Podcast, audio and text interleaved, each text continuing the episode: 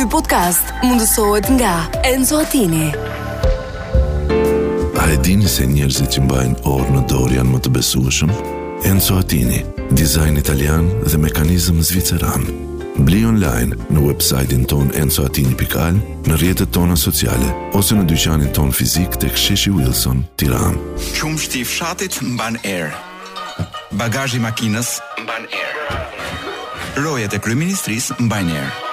Neoliberalizmi mban erë. Festivalet mbajnë erë. Lakra e zier mban erë. Dosjet e komunizmit mbajnë erë.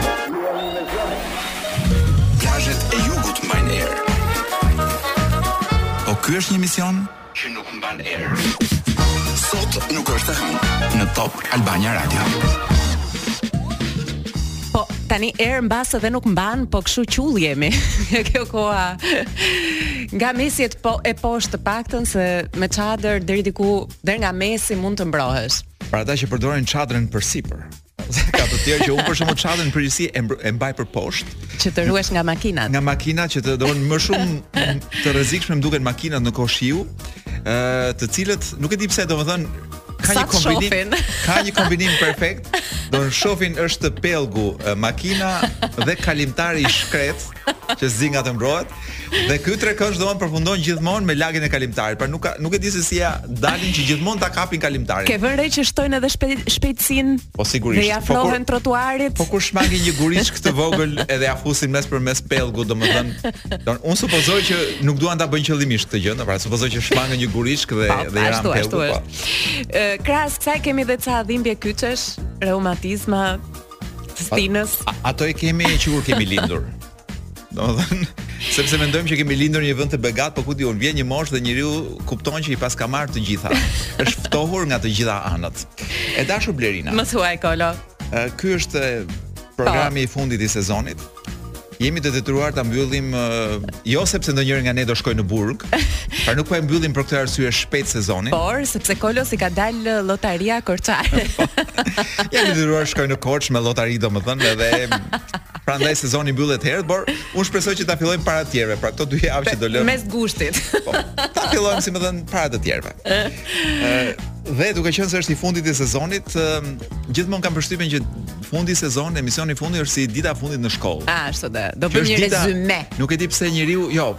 Ti mbase rezume, po unë ditën e fundit të shkollës gjithmonë e kam ditë pa e kam pasur ditë papërgjegjshmërie. A, e vërtetë, e vërtetë. Edhe Pra unë që më ti, kolon se unë dhe unë ti këtu bën jam. çdo gjë që mendoj do që nuk duhet ta kishe bërë kurrë në në gjatë kohës Do shkollës. flasim me me fjalë të pista. Jo, nuk do flasim me fjalë të pista dhe nuk do flasim për seksin. Pra do bëjmë një gjë komplet ndryshe nga ç'kemi bërë gjithë sezonin. Ne asnjëherë nuk flasim për ne maksimumi flasim për shkencën. Asnjëherë për seks. Sepse në këtë radio dhe në këtë emision seksi nuk është seks, është shkencë. Ah, ashtu dhe. Do studiuar. Meqënëse kam qëlluar sot i veshur me një bluzë Po pra, shoh, shumë e egër. Thashë pse mos kombinoj bluzën që kam veshur me muzikën? Me muzikën që do luajmë tani. Dhe i kërkova DJ Kloe dhe ma bëri qefin që ta filloj me një këngë nga Megadeth. Hajde Kloe. Pra, kënga që po dëgjoj tani është kënga që kam dhe unë në bluzë. Do kënga grupi që kam dhe unë në bluzë. Blood of Heroes. Shumë me ngjyrje, domethënë, këngë me ngjyrje. Po pra po tash burrat o vuajnë o s'vuajnë, domethënë kur vuajnë, vuajnë siç duhet. Lerina kemi 2 minuta për të mbushur sipas um, Kloit. Sipas direktivave, se nuk nuk guxoj të them urdhrave të Kloit. Dhe 2 minuta nuk janë as shumë, por nuk janë as pak. Pra 2 minuta praktikisht ti nuk di ç'të thuash. Po thuaj një gjë me peshë të mesme. Me peshë të mesme, po hajt na gjej peshën, a a të vlen një hart që nuk është shumë serioze, po hajt më. Ha? E kanë nxjerr në internet të huaj dhe ne e marrim seriozisht, Aha. që është uh, harta që flet për uh, se sa të sigurt ndjehen në Europë njerëzit për të ecur natën. E, ishte e çuditshme kjo e lexova. Është një hartë që për shembull fakti që në Shqipëri, Shqipëria dhe Rusia janë aty aty, më shqetëson. Po. Më shqetëson për vete, po më shqetëson edhe për këta që kanë bërë hartën. Po edhe që Franca është ande nga fundi e çuditshme ishte. Po se të vinë puthin me zor aty për shembull vin po ti je mashkull, vin puthin femra të panjohura. Po po Kroacia që ishte në vendet e para fare.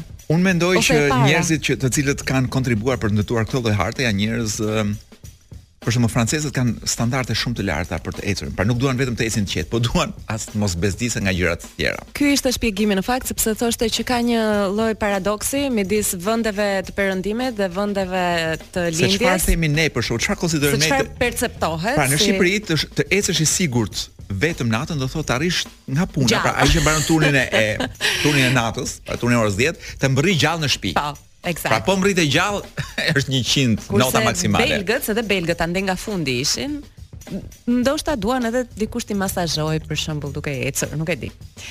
Po, e, ishte renditje e çuditshme. Për shembull, belgët ndoshta kur shohin një mace të zezë e konsiderojnë të pasigurt ecjen natës. Ë, duan ecjen e sigurt natën. Dhe më pëlqen shumë që shoh që Shqipëria në rajon gjithsesi është e fundit. Në rajon kemi të njëjtin mentalitet, po brenda mentalitetit tonë. Ne jemi më të fundit, Kroatët janë të parët? Kroatët ishin mirë fare. Po. Domethënë ke qejf të ecësh. Ë, uh, më shqetësojnë grekët, ja, na mbylli Kloe. E di unë që nuk do arrijmë kurrë të flisim seriozisht. Ë, grekët që ankohen për çdo gjë këto këto 10 vitet e fundit, janë ankuar dhe për këtë. Nuk ndihen të sigurt nga shqiptarët për të ecur natën. Po ne që ecim mes shqiptarëve këtu gjithë kohën, ë? Çfarë jemi ne? Më duket mua Blerina, po kjo është një nga ato këngë që ti nuk e dëgjon dot në radio. Jo, mua më pëlqeu madje se kishte edhe një mesazh. Po përveç mesazhit, po dua të them që kjo është nga ato këngë që s'e dëgjon dot në radio. Pse? Sepse neve po përjetojmë muzikalisht, si me thënë, ë po zhvarrosim të gjithë mbeturinat e e ku di unë e latinove, pra, gjithë këngët që zgjasin 4 ditë në Meksik, në Argjentinë ku di unë, i zhvarrosin këtej, i ribëjnë ua ndërrojnë pjesërisht tekstin edhe i propozojnë si këngë si hite vere këtej nga Shqipëria. Dhe muzikë independente, pra jemi o tek versioni, si me thënë, i turbo folkut, ose këto latine të çmendura, ose regaton ose pra dhe nuk ka asnjë alternativë tjetër. Dhe nuk ka vend për muzikë indie si kjo që sapo dëgjuam. Dhe tani do ketë edhe minus një javë, sepse do ta mbyllim që sot edhe Dhe po mos më mos më bëj, pse lagështohesh kur jo, kur flas kështu. Mos më bëj të pra ky është një nënkuptim nën tekst që unë nuk e kisha në mendje. Pra gjithë kjo që sapo themi. E dashur Blerina, do të të lexoj lajmet e javës që kaloi, pra apo do poezi erotike zgjidhe me. Jo, jo, do fill, do jemi në në janë dy gjëra, dy gjendje komplet të ndryshme. Me cilën do që të shkoj? Unë them që të vazhdoj me lajmet, meqenëse thashë jemi në prag të sezonit turistik, unë kam disa lajme që ë mund t'i quajmë edhe si çelje e sezonit turistik në vendin tonë. Po, të të them, të- edhe unë kam lajme për çeljen e sezonit Hajde. turistik. Pra do fillosh ti me çeljen tënde apo unë me çeljen time? Po e çel unë sezonin. Jepi. Mhm. Simbas Instatit, pavarësisht se ka njerëz të cilët nuk i besojnë Instatit Njërin e kam përballë. dhe turp që t'u vijë. Çdo orë pesë shqiptarë ikin nga vendi Shumica për të mos u kthyer më. Ua. Jo, mua më shqetësoi shumë që ne tani po i masim me ikje në orë. Domethënë, është pak a shumë kam lexuar dikur artikuj për ku thoshin që çdo orë vdesin nga uria në Afrikë kaq njerëz, pra ne po i masim ikjet ikjet tona me të njëjtin metër në thonjza.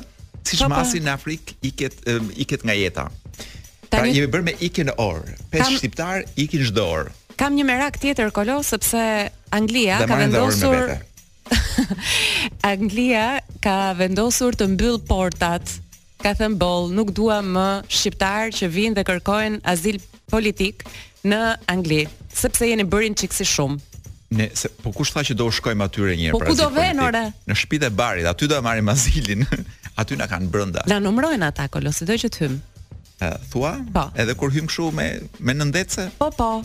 Në La Manche, tani duhet të gjej atë fjalinë, Dyzet e nga dyzet e pesë mijë e shtatëqind e tridhjetë e pesë njerëz që kaluan në La Mansh me varka të vogla, ë shumica e tyre ishin nga Shqipëria dhe kërkuan azil.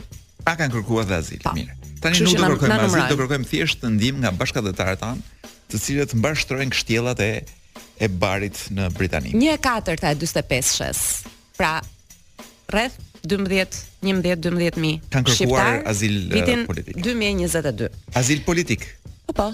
Ah, pra kemi Po, dhe dhe Dhjetëra mijëra shqiptarë që kanë mendojnë që kanë jetën të rrezikuar po. nga situata politike në vend. Dhe qeveria britanike thotë që Shqipëria është një vend shumë i bukur, shumë i mirë, ku jetohet shumë mirë, ë nuk është në rrezik, nuk është në gjendje lufte, Kështu që na vjen keq, po e kanë menduar shumë mirë dhe kjo është Shqipëria vërtet. Ndryshe nga sh, nga ç'thonë pra. këta gojët e liga, të cilat vetëm duan ta duan ta nxijnë sistemin. Kemi një lajm tjetër këtu. Ambasada ruse në Tiranë i ka kërkuar policisë shoqërim me eskortë Po na kërcënojnë në Facebook, kanë thënë. Lloj eskorte. po sigurisht. kanë kërkuar eskorta nga 18 deri në 23 vjeç. Ë më shqetëson fakti që janë kërcënuar në Facebook dhe me sa kuptoj as nga shqiptarë të Shqipërisë, por shqiptarë të Kosovës. Ëm mm -hmm. um, dhe kanë kërkuar shoqërim me eskortë, po ne që ne që po ne të tjerë duhet të të mbrojnë, si me thënë, me forcat e NATO-s, po të krahasohet me ç'bullizim dhe ç'kërcënim përjetojmë gjithë shqiptarët e tjerë, domethënë në Facebook dhe në Instagram, ku edhe njerëz fare të panjohur pa asnjë lidhje me ty thjesht të thonë A, kujdes ti, se, se kështu dhe se ashtu. Pa folur për gazetarët, po, pastaj që uh, marrin me, ku di unë, uh, të paktën tre-katër kërcënime në javë, po flas për gazetarët aktivë.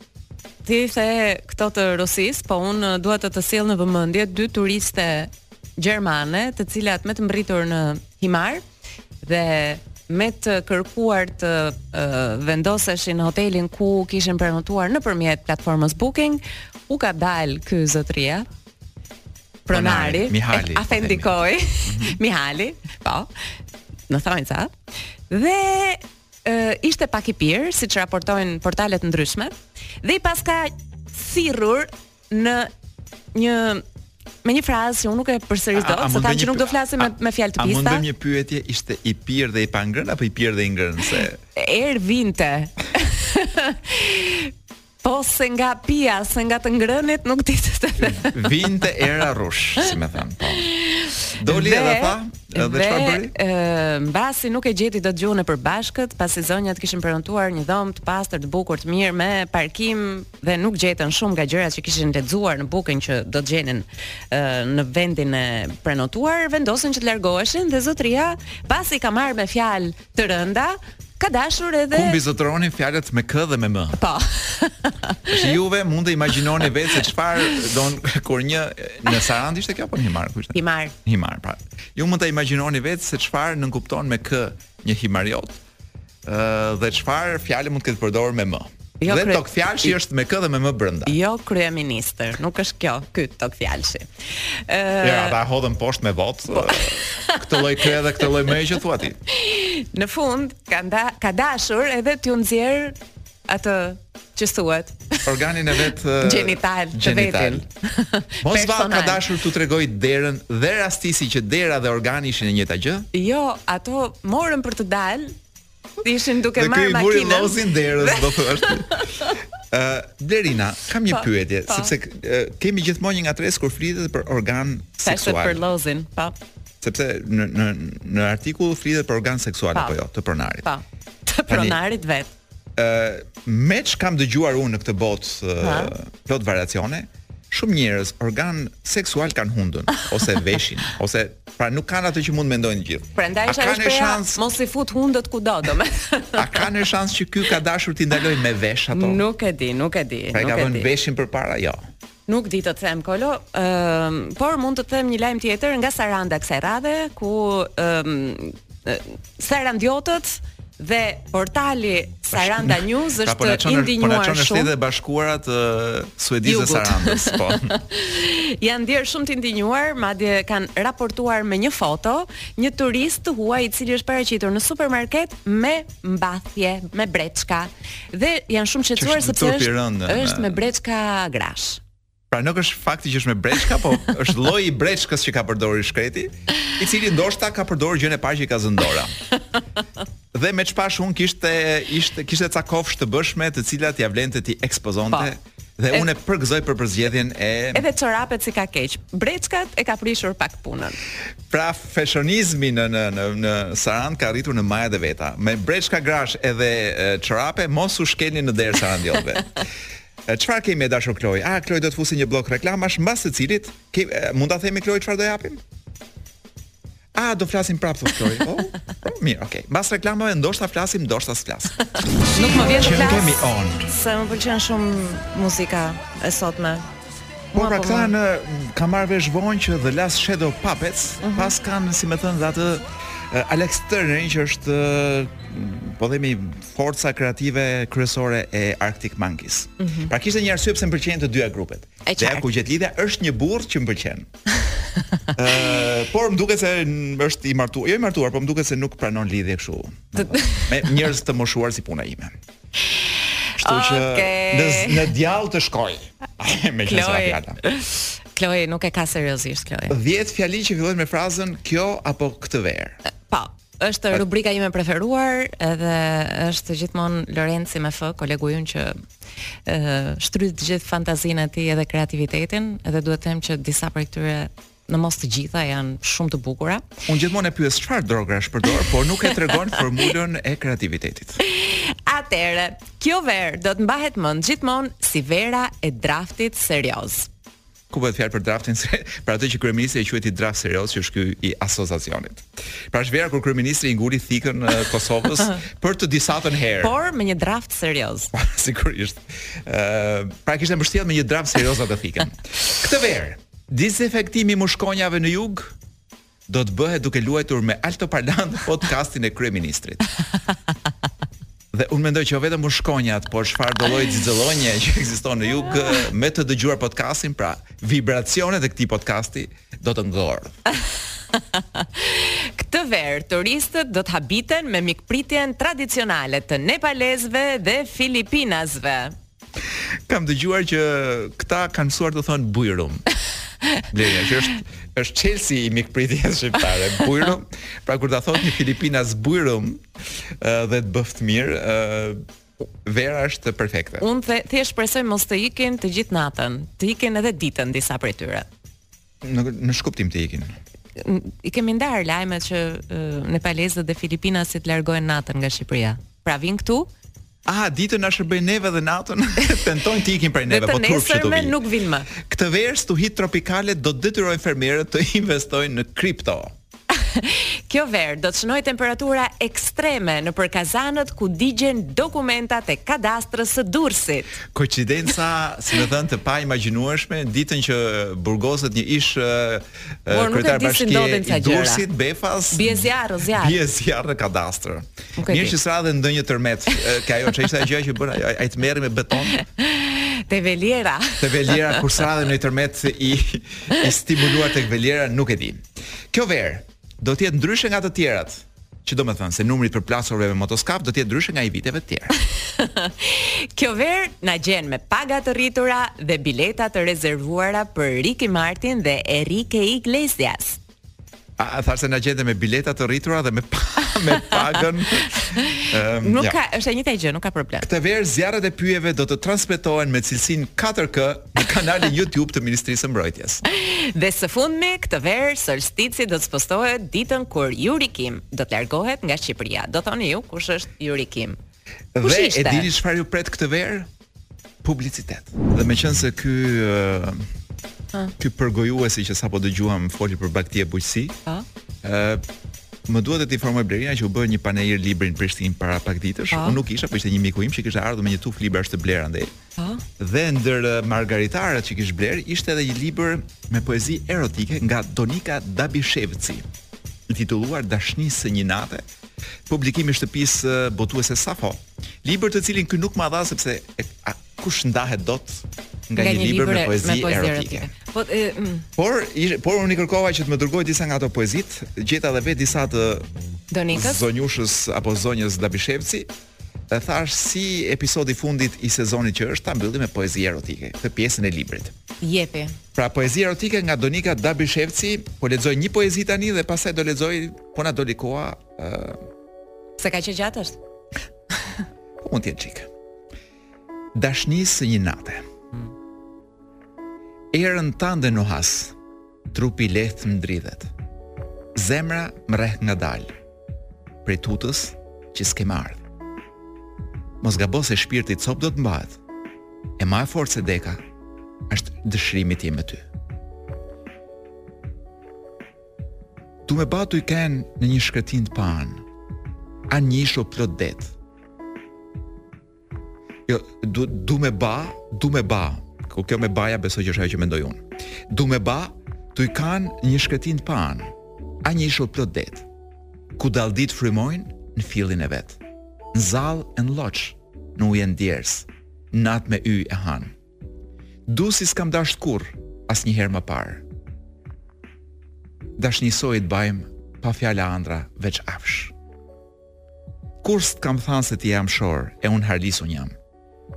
Për gja tjetër në këtë jetë, çikë s'më mbet, prekëm pa fjalë, për net pa gjumë, ta bajmë.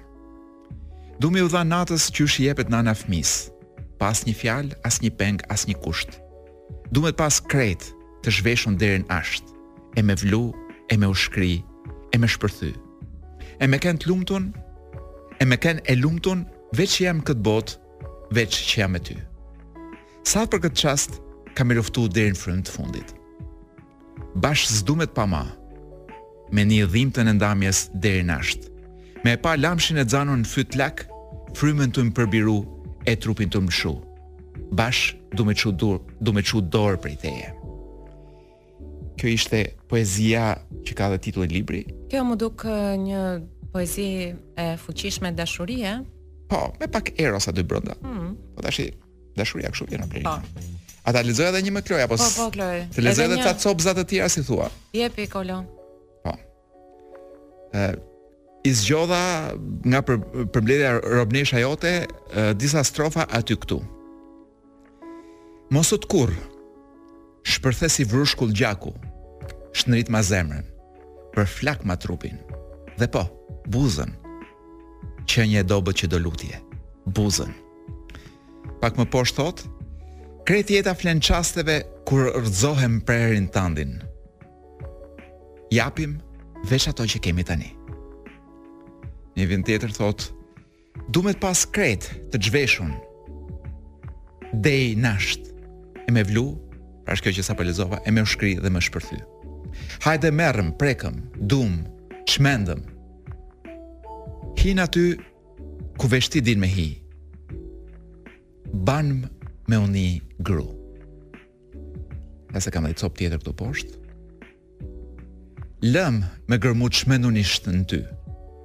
Du me i lag buzët e xhindosuna. Me të lëshu poshtë grykës. E me u deh me ty.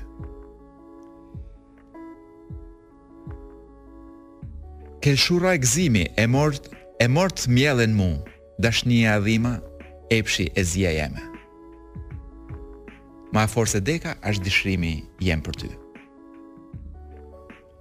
Jam mësu me hi n'zjerm në pluhun e hi gjithçka me kthy.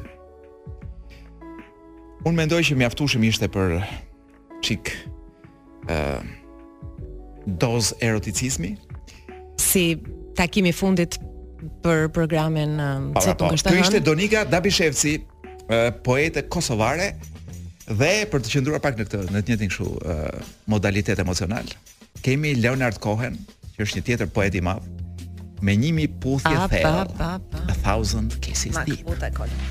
Ky podcast mundësohet nga Enzo Attini. A e dini se njerëzit që mbajnë orë në dorë janë më të besueshëm? Enzo Attini, dizajn italian dhe mekanizëm zviceran. Bli online në website-in tonë enzoatini.al, në rrjetet tona sociale, ose në dyqanin tonë fizik tek sheshi Wilson, Tiranë. Nuk është e hënë. Sot nuk është e hënë. Ne kemi hyrë në orën e dytë të transmetimit dhe të fundit për këtë sezon. Kola. Kjo fjalia pjesa e dytë, ora e dytë e transmetimit sikur s'ka një pikë rëndësie, domethënë për ata njerëz që janë me orë të tëra në trafik, nuk e di. E dashur Blerina, a flasim për një dramë të madhe dhe një traumë të madhe? Po. Që na ka ndodhur ne si popull. Po, mbase edhe s'duam të flasim po. Jo, përderisa ne kemi fëmijë që kanë emrin Silvio, për hatër Silvio Berlusconit. Mund të kemi edhe fëmijë që kanë emrin Berluscon. Sigurisht. Ë uh, ose Milan gjithmonë për hatrin e Silvio Berlusconit. Ne mund të flasim pak për zhdukjen nga jeta. Ë uh, të këtij njeriu që ka dominuar Italinë e 30 viteve të fundit. Ëh. Mm -hmm. Me me bunga bunga të veta, me ku di unë politikën e vet, me me me me shumë procese gjyqësore të hapura, me po, shumë Po me çudirat e tij domethënë me ekzibicionizmin e vet. Ky ishte e kanë quajtur mediat një proto Trump, pra një Pra përpara se të ishte Trumpi ishte Berlusconi. Pa. Po. Por thjesht çik më i vogël në një vend më të vogël, edhe me ndikim më të vogël në arenën botërore sa Trumpi, dhe prandaj Trumpi duket sikur është i parë, po jo. Ë, uh, si me thënë, këtë do thosha unë zinxhirin e liderëve showmen që nuk bëjnë punë, po bëjnë vetëm show dhe tallin menderen me shtetin, me drejtësinë, me ligjin, me kushtetutën. E ka filluar Silvio Berlusconi. Dhe Po dua them që nuk është njeri në zi, për shembull, me sa kuptoj unë në Itali vetëm po bëjnë shaka me vdekjen e Berlusconi. Sepse ka qenë eh, edhe mbreti i memeve për një kohë shumë gjatë, edhe ë eh, kështu po e risjellin ose kështu po e përcjellin le të themi. Perceptimi i parë që pata kur mora vesh që kishte vdekur Berluska ishte sa mirë. Një pler më pak. Dhe nuk e di si duhet ndjehet njeriu kur qoftë dikush përdor këtë lloj fjalie mbas ikjes së tij. E un jam pak kështu skeptike për nuk para flas për njerëzit pasi ikin. Është kështu game over. Kam folur kundër këtij edhe edhe para se të ikte. Kështu që ndihem në rregull me ndërgjegjen. Po jo, e të kuptoj se ka disa njerëz që domethënë I feel you. po lexoja një artikull tek The Guardian për uh, ikjen e Berlusconit, uh -huh. pra për vdekjen e tij dhe thelbi i artikullit ishte që ky zotria nuk bëri gjë tjetër vetëm uh, ajo që bëri e vetmja gjë që bëri politikën italiane është që zhduku në mënyrë graduale besimin që kanë njerëzit tek politikanët, pra tek ata që i drejtojnë. Po, kjo mund të jetë. Pra në momentin që është një lolo dhe një karagjoz, ti mund ta votosh karagjozin për 100 arsye, por ky nuk bën gjë vetëm e ul stekën aq shumë siç është rasti i Shqipërisë apo rasti i Amerikës e ku di un apo rastet ku populistët kanë fituar dhe fitojnë, po steka është ulur. Pra, opinioni që kemi ne për një politikan shqiptar tani është shumë më i ulët se ç'kemi pasur për politikanët para 15, 20 apo para 30 vjetësh. Kurse, Çfarë opinioni ka publiku shqiptar ose të paktën ata që uh, përfaqësojnë publikun shqiptar nëpër rrjete sociale, uh, nga mesazhet që un kam parë, janë të gjithë shumë kuriozë të dinë çfarë uh, pasurie u ka lënë ky grave wow, të ndryshme të jetës së tij. Kujtova se doni, kujtova se donin të dinin çfarë ndodh sepse nuk e di a je i informuar Blendi janë detaje që Berlusconi thuhet që ka vënë një protezë në penis. Pra, meqense nuk donte të ishte Nuk donte Donte të kishte Unë kam lexuar, unë kam dëgjuar më fal nga personi që ja ka mos ja jo, që pra e ka testuar. E kam dëgjuar nga një person që thotë që njeh atë që ja ka vënë. që ja ka instaluar. Ka gjithmonë një shqiptar që është në mes të këtyre historive. Sikurse njoh dikë që njeh dikë Që ja ka provuar. Që ja ka provuar. pra, e kam informacionin nga dy anë. Edhe pa folur për informacionin që ka dalë në media shqiptare, po informacionin që di un për këtë protezën e penisit u bëra shumë kurioz për të ditur si mund të jetë një protezë penisi. Dhe kjo e Berlusconit ishte më e famshme dhe fola për këtë dikur me këtë uh, mjeshtrin, specialistin. Jo, jo. Jo, prit një sekondë. Nuk e kam mbyllur protezë. Apo do të japim reklamë dhe rikthehemi me Jo, jo. Uh, e mbyllim këtë diskutim them. Po ja, Kloj, po më le vetëm do të them vetëm 2-3 gjëra shumë të shkurtra për penisin e Berlusconit. Pra ishte një protezë, ë uh, e cila siç thonë bënte zhurmë, siç duket ka qenë nga versionet e para, kush di çfarë mekanizmi kishte dhe njëra nga ato vajza që kish provuar ato zonjat, uh -huh. thoshte që bënte një zu zu zu, bënte si një mizë, uh -huh. pra një zukamë kishte. Uh -huh. Ë përveç kësaj thonë që ishte i ftohtë sepse protezat ku di un se ç'paska një, pra nuk që kanë ndërgrota që kanë. Metal që material që e,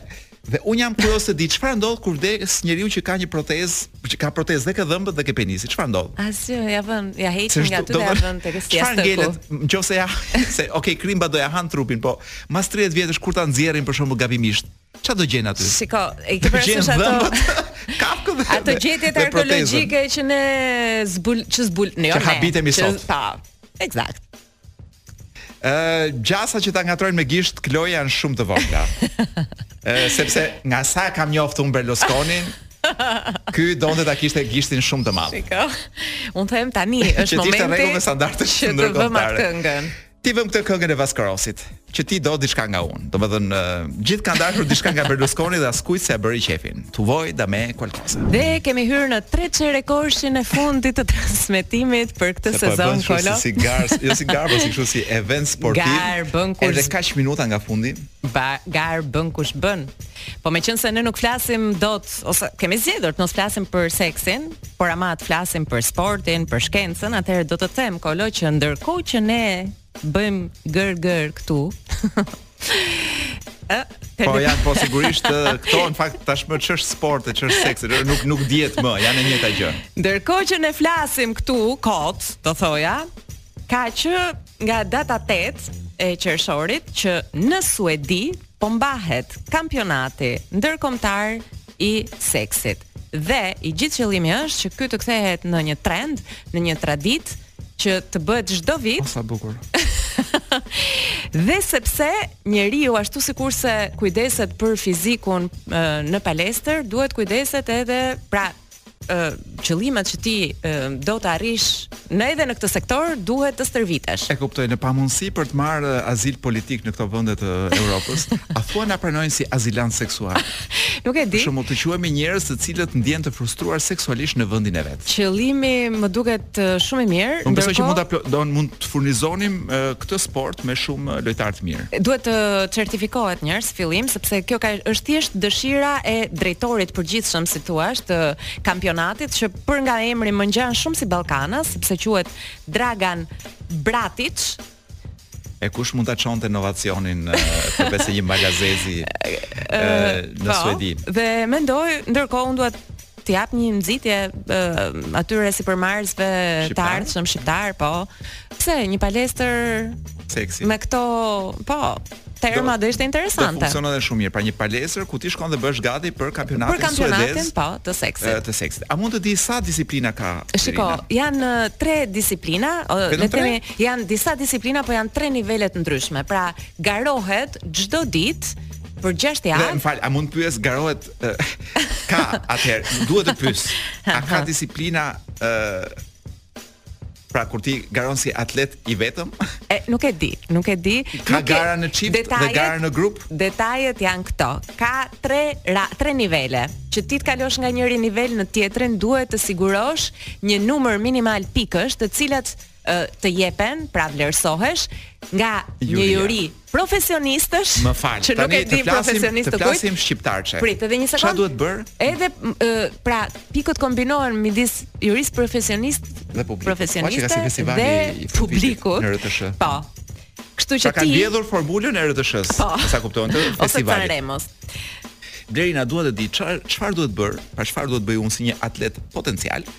për të manipuluar jurinë. Për shembull, çfarë ah, ndodh nëse jurisë gabimisht për shembull gjatë kohës që një po themi një sportist seksual është në garë dikush i hedh një Viagra në po themi në gotën e ujit. Besoj që ashtu sikurse për sportet e tjera. Besoj që pikët e jurisë do të rriten në këtë rast, apo jo. Ë duhet të bëhet antidoping për jurinë atëherë. Po sigurisht. Mezi po pres të di për disiplina sepse imagjinoj për shembull hedhje gjyleje ose ping pong me dy topa, pra mund të ketë besoj disa disiplina shumë interesante mendoj unë Tani, edhe frymëzues maksimumi 6 orë në ditë. Kampionati i seksit. Maksimumi 6 po, orë në ditë. Nuk kemi nuk kemi elefant. Në total, njerëz të thjeshtë, njerëz jemi. Nga 0 deri në 45 minuta është një raund. Blerina, më lejo të të heq që këtej dhe të të çoj diku nëpër xhunglat e Bolivisë. 5 deri në 10 pikë mund të marrësh. Me një kitarë në xhunglat e Bolivisë. Hasta siempre.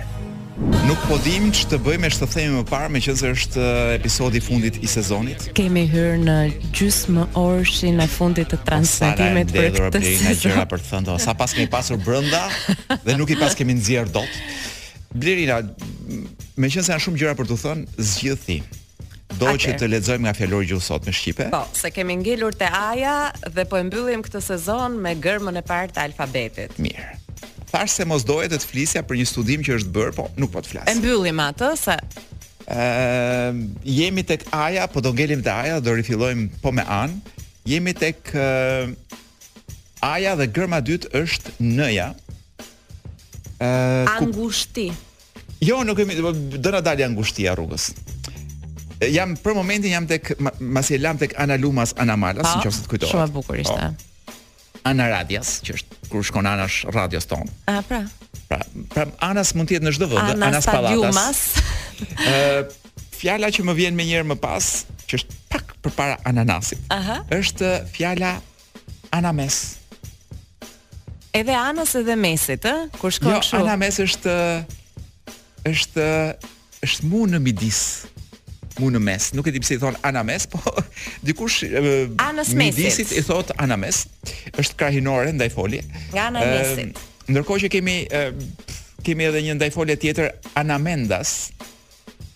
Ehm, që është pa pasur mendje në vend, kur ecën si i hutuar, ecën anamendas ose flet anamendas, anamendas.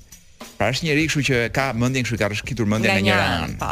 Siç e kuptoj unë, po me sa shoh, e kuptojkemi njëlloj të dy.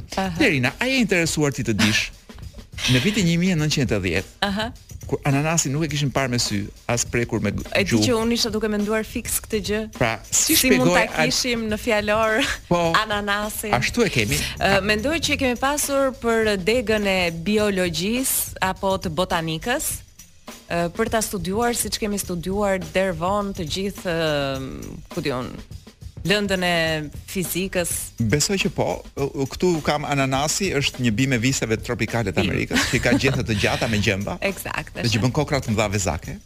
Me një tufë të vogël gjethesh në majë, me tul të ëmbël, me lëng e me erë të mirë. Mm. Fryti i kësaj bime quhet ananas. Hmm. Një shembull në përdorim fjalie, lëng ananasi. pra ne nuk kishim, po ne dinim se ç'ishte lëngu. Pra, se ç'pinin e ç'hanin në dynja, ja. Me siguri që muhalebi hanim, por te ananasi ë si me thënë, i kishim informacionet të qarta.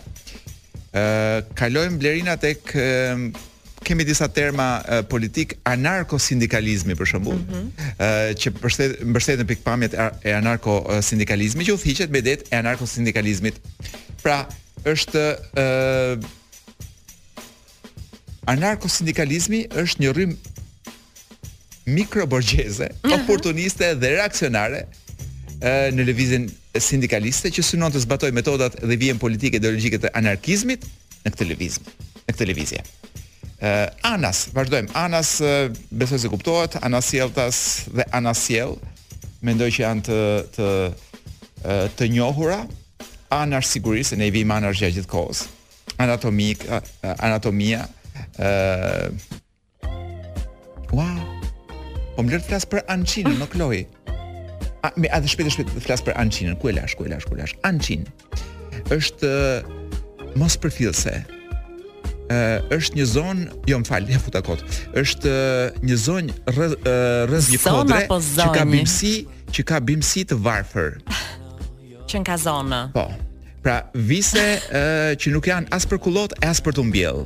Ançinë. Blerina thamë që nuk mund të flasim për sport sepse automatikisht na bie që flasim për seks sepse po. gjërat po ndërthuren. Është vërtet. Ë uh, nuk arrita të thoja një lajm që është uh, sa sportiv aq edhe seksual, që është një libër i botuar nga ë uh, nuk e di pse sot do fillim verë është në fund, le të flasim, le ta ekzagjerojmë pak me lajmet nga seksi. Edhe emisioni i fundit.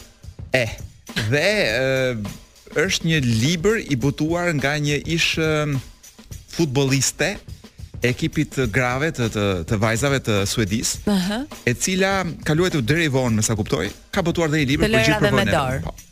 Jo, jo, të futbollit. Ta, të futbollit, është pra, futbolliste. Ah, okay. Një futbolliste Po sepse me syzet e reja më shef çik më pak, më dëgjoj. Të dëgjoj më keq, po. Më keq. Më larg.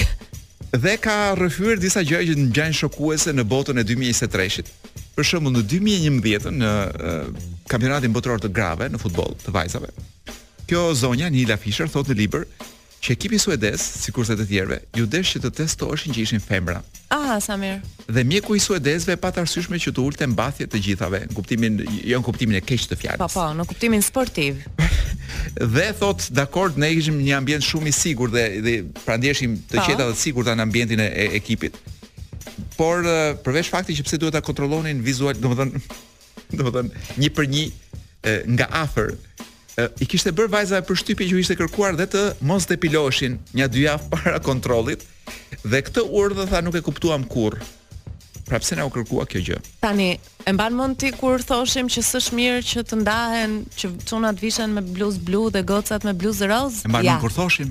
Ja. Unë e kam thënë i pari Blerina. Ja. Po. Ë, sepse në atë vit tha u dyshua që ekipi i i Guinesë Ekuatoriale Aha. kishte futur meshkuj të rruar në ekip dhe meqenëse u dyshua dhe këta nuk arrinin ta kuptonin racizëm i pastër sepse me demek nga ngjyra e tyre këta nuk kuptonin dot kush është grua dhe kush është burrë sepse ata që qëlluan pak si qose ekipi i atyre vendosën që të kontrollojnë domethënë vizualisht Dhe gjëja që i habit njerëzit është që në atë kohë ishte shpikur, pra për të dalluar seksin, gjininë, seks, gjininë e, e një personi ishin shpikur ndërkohë. Ëh. Uh -huh. Disa lloj si puna e këtyre ekstazi. Po sigurisht se po të dhanë ekstazi ti i nxjerr të gjitha vetë, nuk ka nevojë të të bëjë kontroll njeri. Por ishin shpikur disa teste, pak a shumë si këto të Covidit, por nuk ta fusin në hundë që ta nxjerrin në majë të kokës. Po ku ta fusin aman? Në gojë.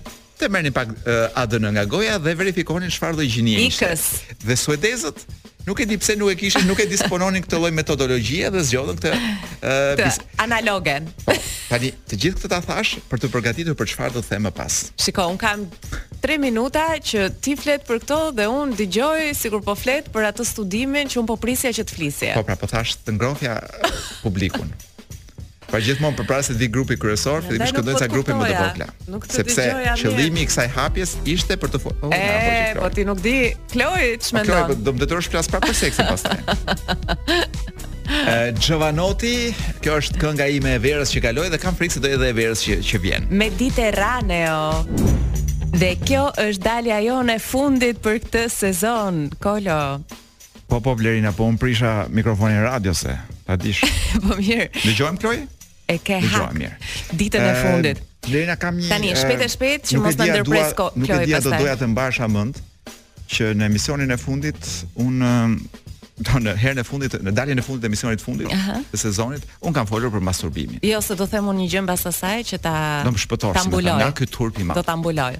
Jo, Nuk mund të iki pa treguar që ka dalë një studim shumë serioz, po shumë serioz vërtet, pra? që flet për origjinën e masturbimit që shkoka tek primatët, pra tek ne dhe para si tan, 40 milion vjet përpara. Wow, wow, wow. Tani kur ti mendon ore se ti kthehesh dhe thua tash një majmun i para 40 milion po. vjetëve, i cili uh, kishte halle të tjera se duhet të gjente ushqime, ku di un. A mos vallë po bënte një aktivitet fizik ishte sportiv. edhe sportiv jo, do thosha unë e pra me kosto të lartë. me energji shpenzon energjinë që e çorientonte dhe hutonte se mund të të vinte nga mas qafe ndonjë domethënë në një kush e di se çfarë sulmi nga armiqt e, e majmunëve që mund të kenë qenë atëherë. Ë pra me rrezik të lartë. Ti je në pemë dhe ky lloj aktiviteti ti sepse njeriu e merr dalldia nganjëherë dhe bie edhe nga pema. I, jo vetëm njeriu, po them majmuni. Jo, kur them njeriu, do njeriu i referohem si si të ishte miku im më i ngushtë këtij të. Ë pra imagjinoj më duket një një nga ana e evolucionit më duket shumë i panevojshëm ky aktivitet. Por jo, ë kanë marr një kanë ndërtuar një databazë me të gjitha publikimet, studimet, të dhëna. Çfarë janë bërë në në në për sa kohë ka mësuar njerëzimi të shkruaj, pa. Po. edhe dëshmi ë të para dyqind treqind viteve më e më larg dhe kanë arritur në konkluzionin që ky është një aktivitet që është bërë tek gjithë primatët uh -huh. pa dallim gjinie dhe seksi. Fantastike. Fal gjinie dhe moshe. Pra, uh, masturbimi Burra, është kryer në mënyrë sistematike të gjithë, mo mhm. burra, graje, pleqe, fëmijë, ku di un se çfarë do të thotë. Xhaje, teze, po i shpjegon për shembull pse pse pse e bënin dikur. Kan po përpiqen ta kuptojnë dhe një nga ë Mendoj që një nga arsyet mund të ketë qenë që ë si më thënë, ka qenë një shpikje e këtyre meshkujve jo shumë të suksesshëm. Ëh. Uh -huh. imagjino një bonobo, është një nga këta që janë le të themi raca më e preferuar e majmunëve për mua. Pa. Sepse kur shoh bonobot, kam rastisur në një klub së fundmi, dhe parë që disa personazhe në klub uh -huh. ngjanin shumë në trajta si bonobot. Nuk e di pse ti. Jo për të fyer, po për të treguar që vërtet nëse duam të kuptojmë se që vijmë nga majmuni, Mjafton të shkojmë nëpër klabet e Shqipërisë. Ëh. dhe vetëm që jemi të veshur çik më mirë dhe me Dolce Gabbana dhe me Balenciaga, kupton? Po prap, domethënë ngjashmëria është evidente. Uh -huh. Dhe po thoja që ë uh, shoh këto bonobot dhe kuptoj që njëri është si më i më i zoti, më alfa mes tyre, tjetri është më pak i i fortë, më pak domethënë, dhe ky që është më pak i fortë dyshohet që nuk ishte ah, kohë kur të fitonte një femër, t'i fitonte zemrën. të bënte atë para atë lojën para prake preliminare të priste ky t'i vinte eksitimi t'i ndodhnin gjërat t'i ndodhnin ngritjet ku di unë se po. çfarë dhe të kryente jo ky duhet ishte gati, gati. aty sepse gjëja që mund të të ndodhte përveç se mund të bie nga pema dhe në këtë rast pra ky ishte pa pa pa Pra ke, kjo pa-ja e tretë është ikja, kupton? pra ky duhet ta inseminonte zonjën majmune. Po.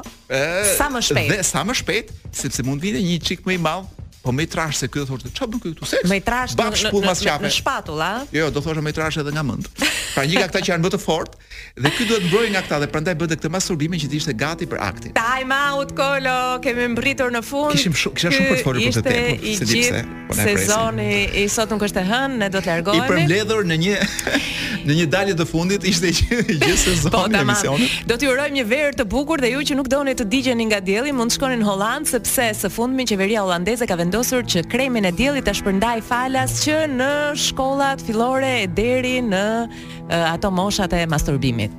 Ama, ama siç do thoshte ai më i miri prej nesh, kafet që ka Shqipëria nuk i ka as Holanda. Kështu që shkoni po deshët, po kafet që kemi ne këtu nuk e kanë as ata. Nga Kolo. Blerina, prit, prit, prit, prit, mos u nxito. Të kujtohet, të kujtohet që kam kërkuar ka nja katër javë që kërkoj një këngë nga